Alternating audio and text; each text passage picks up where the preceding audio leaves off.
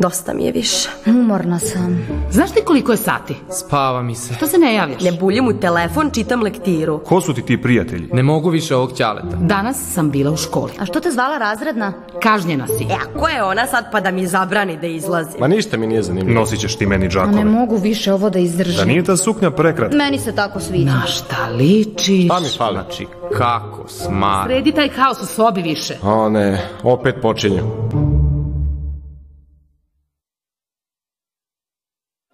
Zdravo, zdravo! Evo nas u poljoprivrednoj školi u Futogu i došli smo da vidimo kako to izgleda dan otvorenih vrata za osmake. Oni će se tu nešto takmičiti. Ajde, odmah brzo da ih stignemo.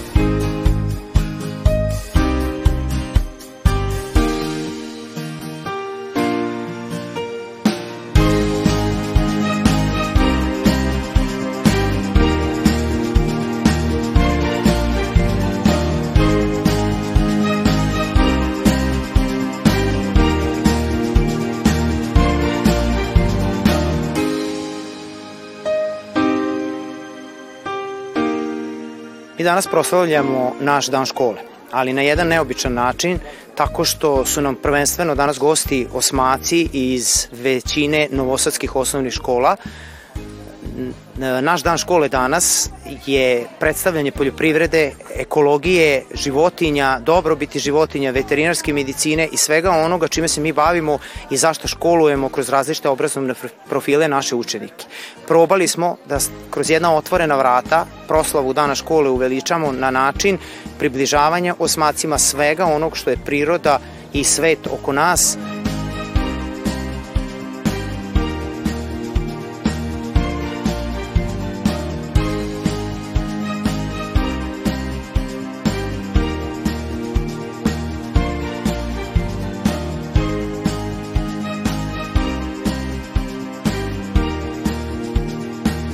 Danas je dan škole i kuvamo pasulj za osnovce koji su došli da, na otvorena vrata škole. A što su ti osnovci došli? Šta oni ovde sve rade i šta imaju prilike da vide? Pa e, imaju takmičenja ovde, na- razna takmičenja i hoće da vide polju, o, bože, ekonomiju i školu, da upoznaju se s profesorima i da im se svidi škola, ne znam. A pošto si ti učenik poljoprivredne škole, šta ti je najbolje u eto tih par godina što, što učiš? Pa najbolja mi je, na primjer, praksa, i, a predmet je hirurgija koji smo do sada radili, koji sam u četvrtoj godini, u poslednjoj, i koji predaje profesor Mile i ovaj, Savović i to je to. A šta sa ovim pasuljem? Šta si sa njim radite? Ko će to da jede i kad? Pa koji god uh, učenici koji su došli mogu da probaju pasulj, a mi to kuvamo baš zbog njih, da im privučemo pažnju, da ih da malo pričamo s njima, da se upoznajemo sa, novim, sa tim osnovcima koji trebaju da idu u našu školu. Najviše mi se svidelo kad smo imali praksu i druženje na toj praksi, pogotovo na letnju, jer tad se svi okupljamo, e, radimo nešto praktično, neke intervencije i tako. To mi je bilo omiljeno. Kakve su reakcije osmaka danas koji su došli? Pa koliko ja vidim, mislim da su im se najviše svidele životinje, konji i tako i nadam se da će dosta njih upisati školu kod nas. Danas predstavljamo našu školu i ja stojim ispred e, konjičke sekcije. E, Mi imamo e, dva ždre- ždrebeta, četiri kobile i jednog pastuva. Konkretno ova kobila je rase Haflinger, a ove dve bele su lipicaneri. Kažem, u sklopu ovaj, školske ekonomije imamo i konjušnicu gde se bavimo sekcijom. Imamo, ima tu dece koja znaju da se bave jahanjem, podučavaju mlađe i u principu to je to. Zašto bi deca po tebi trebalo da upišu poljoprivrednu školu? Pa škola je jedinstvena, znači u odnosu na sve ostale škole naša praksa je jedinstvena jer imamo, kažem, taj kontakt sa životinjama, pogotovo naše sekcije, ali i druge, mislim imamo druge objekte, svinjac, štalu, e, konju- konjušarnicu, imamo ovčarnik i jedinstvena je praksa. Ja mislim e, da je taj kontakt sa životinjama baš e, zna, značajan, značajan jer ne znam, deca su dosta danas odvojena od, od prirode i kontakt mnogo znači. Dolaze, kažem, deca iz grada koje nemaju kontakta sa životinjama i navikavaju se.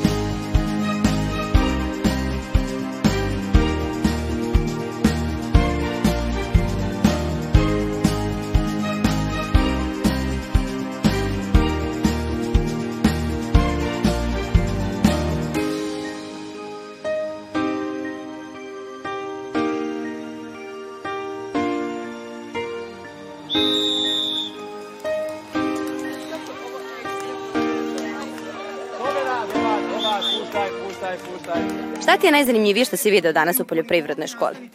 Pa svidelo mi se zato što je škola velika, zato što mi izgled, izgledaju kao dobri učenici, kao da su dobra deca u ovoj školi. Svidelo mi se zato što imaju so, sobstvenu kao farmu za životinje, imaju sobstvene životinje, sviđa, sviđa mi se konjarstvo, to jest jahanje i to je to.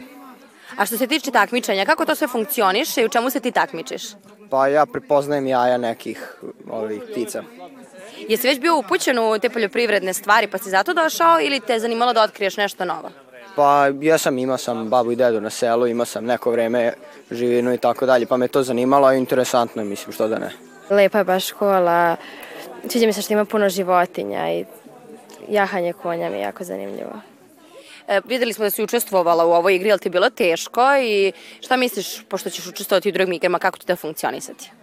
Pa je malo bilo teže, ali dobro sam uradila, pa trebalo bi da znam, trebam da pogađam um, dlake od životinja krzno.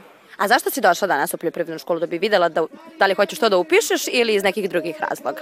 Pa da bi videla da li ću to da upišem i da vidim kakva je škola.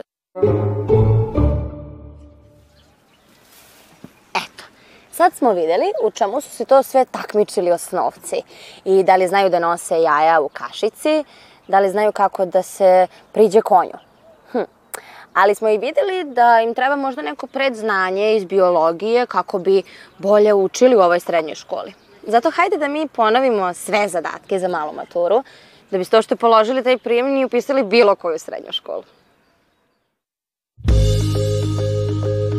Petar se igrao sa komšijskim psom. Pas je donosio predmete, a Petar ih uzimao psu iz usta i bacao. U žaru igre pas ga je ujeo. Šta Petar treba da pita vlasnika psa pre nego što ode kod lekara? Da li pas ima gliste? Da li je pas preležao štenećak? Da li je pas vakcinisan protiv besnila? Da li je pas i inače agresivan? Tačan odgovor, da li je pas vakcinisan protiv besnila? Petar bi morao da pita vlasnika da li je pas vakcinisan protiv besnila. Zašto?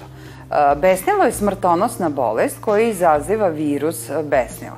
U prirodi virus besnila se nalazi e, kako u divljim, tako i u domaćim životinjama, može da se nađe. E, od divljih životinja najčešće ga srećemo kod lisica, vukova, zatim pacova, miševa, hrčaka, a sve više i kod slepih miševa. Od domaćih životinja najugroženiji su pas i mačka. Čovek se zarazi besnilom kada ga povredi zaražena životinja i to je smrtonosna bolest, znači leka nema. Louis Pasteur je u 19. veku prvi napravio i primenio vakcinu na jednom dečaku kojeg je ujeo besan pas i to, time su postavljeni temelji, svež, ovaj, temelji za primjenu svežih vakcina. Vakcinisanjem kućnih ljubimaca sprečavamo širenje besnila u naseljima i ovaj, sprečavamo uopšte mogućnost zaraze. Zašto postoje sličnosti u biljnom svetu Afrike i Južne Amerike, iako su teritorijalno odvojene Atlantskim okeanom? Tačan odgovor, u prošlosti su bile deo jednog kontinenta, Pangeje ili Gondvane.